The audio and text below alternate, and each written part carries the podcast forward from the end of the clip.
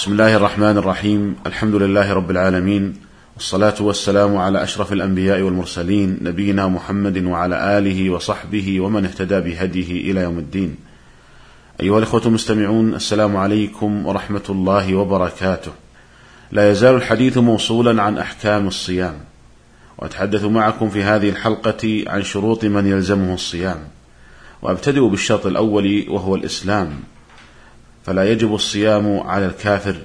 لقول الله تعالى يا أيها الذين آمنوا كتب عليكم الصيام كما كتب على الذين من قبلكم. فناداهم عز وجل بوصف الإيمان ولقوله سبحانه وما منعهم أن تقبل منهم نفقاتهم إلا أنهم كفروا بالله وبرسوله ولأن الصوم عبادة يفتقر إلى النية فكان من شرطه الإسلام فلا يصح من الكافر ولو كان مرتدا. ولكن يعاقب الكافر على ترك الصيام كما أنه يعاقب على ترك الصلاة وعلى ترك الزكاة وعلى جميع فروع الشريعة. ويدل لذلك قول الله تعالى عن المجرمين ما سلككم في سقر؟ قالوا لم نك من المصلين.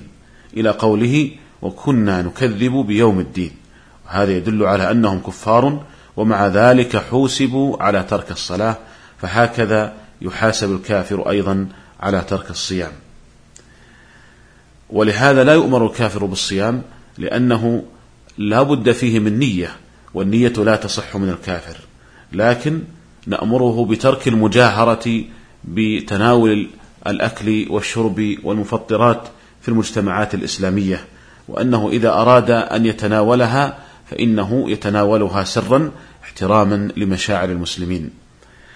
الشرط الثاني التكليف وذلك بأن يكون بالغا عاقلا ويدل لذلك قول النبي صلى الله عليه وسلم رفع القلم عن ثلاثة عن المجنون حتى يفيق وعن الصغير حتى يبلغ وعن النائم حتى يستيقظ.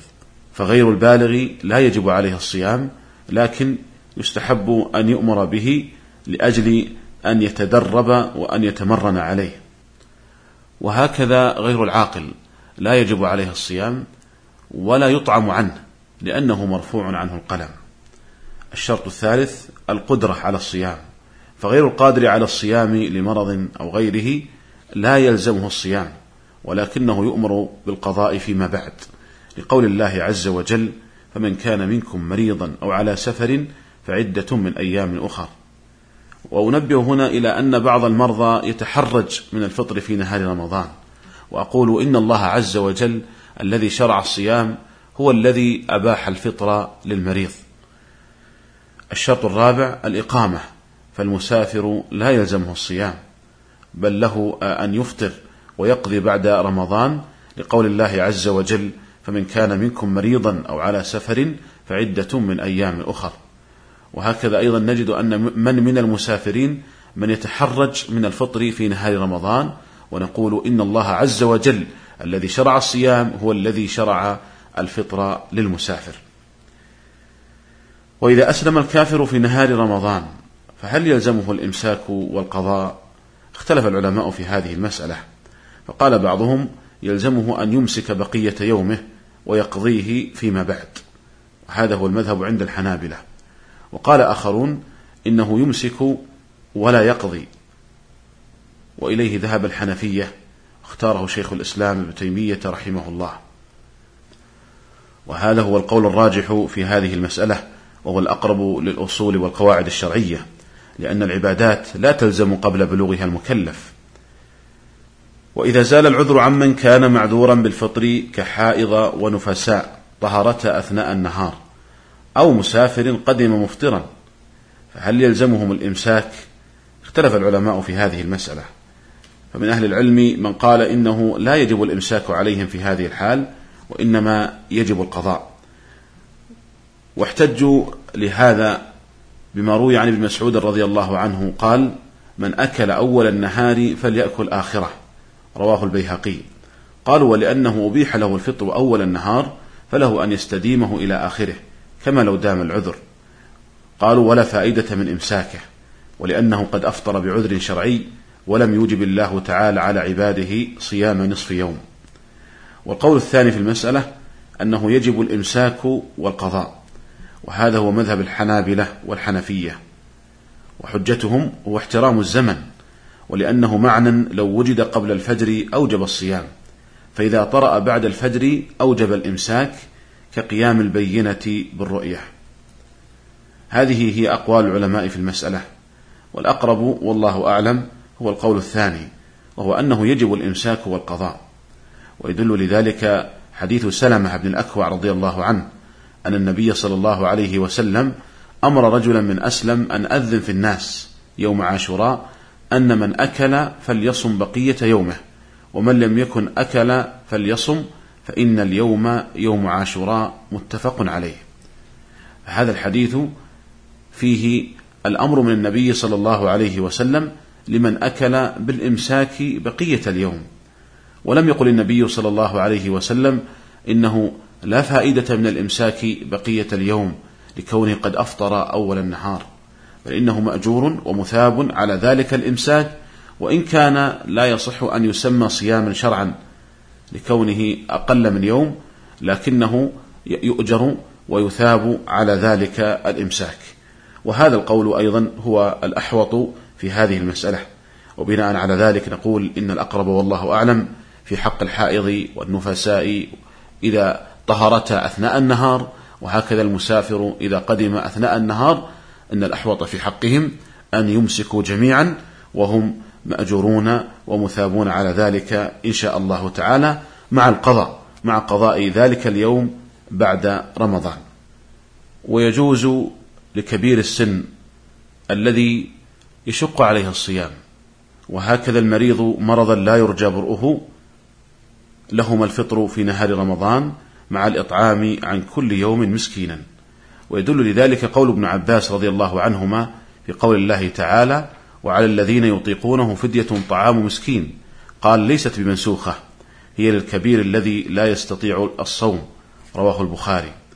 قال البخاري رحمه الله في صحيحه وأما الشيخ الكبير إذا لم يطق الصيام فقد أطعم أنس بن مالك بعدما كبر عاما أو عامين كل يوم مسكينا خبزا ولحما وأفطر. ولكن ما كيفية الإطعام؟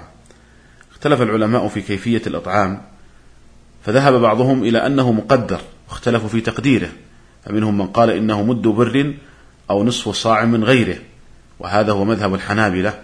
ومنهم من قال نصف صاع من بر وصاع من غيره كما هو مذهب الحنفية. ومنهم من قال إنه مد لكل, لكل مسكين وهذا هو مذهب الشافعية.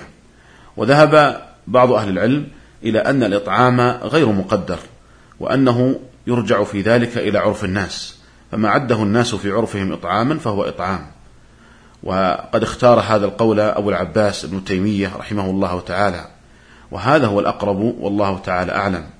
إذ أن التحديد بابه التوقيف ولم يرد ما يدل على تحديد مقدار الإطعام. ولهذا فما يسمى إطعاما عرفا فإنه يجزئ. وبناء على هذا لو أنه جمع المساكين فغداهم أو عشاهم أجزأ ذلك لأنه يصدق عليه أنه قد أطعمهم. وهذا إنما هو في حق الكبير الذي يشق عليه الصيام وفي حق المريض مرضا لا يرجى برؤه. أما المريض مرضا يرجى برؤه فإنه يفطر ويقضي بعد رمضان. لقول الله عز وجل فمن كان منكم مريضا أو على سفر فعدة من أيام أخر والذي يقرر أن هذا المرض يرجى برؤه أم لا هو الطبيب. الطبيب المختص هو الذي يقرر هذا. فإذا كان في عرف الأطباء أن هذا المرض من الأمراض التي لا يرجى برؤها في علم البشر وإلا فالله على كل شيء قدير. إذا قرر أطباء أن الله تعالى أجرى العادة أن هذا النوع من المرض لا يرجى برؤه فحينئذ يطعم هذا المريض عن كل يوم مسكينا. أما إذا كان من الأمراض التي يرجى برؤها فإن هذا المريض ينتظر إلى أن يبرأ ويقضي فيما بعد. والمريض إذا كان يترتب على صيامه ضرر فإنه يحرم عليه الصوم لقول الله عز وجل ولا تقتلوا أنفسكم ولقوله سبحانه ولا تلقوا بأيديكم إلى التهلكة ولقول النبي صلى الله عليه وسلم لا ضرر ولا ضرار. أما إذا كان لا يضره الصوم لكنه يشق عليه فإنه يتأكد في حقه الفطر ويكره له الصوم لأنه خروج عن رخصة الله تعالى وتعذيب لنفسه والله تعالى يحب أن تؤتى رخصه كما يكره أن تؤتى معصيته. أيها الإخوة المستمعون هذا هو ما اتسع له وقت هذه الحلقة ونستكمل الحديث عن بقية مسائل الصيام في الحلقة القادمة إن شاء الله تعالى. والسلام عليكم ورحمة الله وبركاته.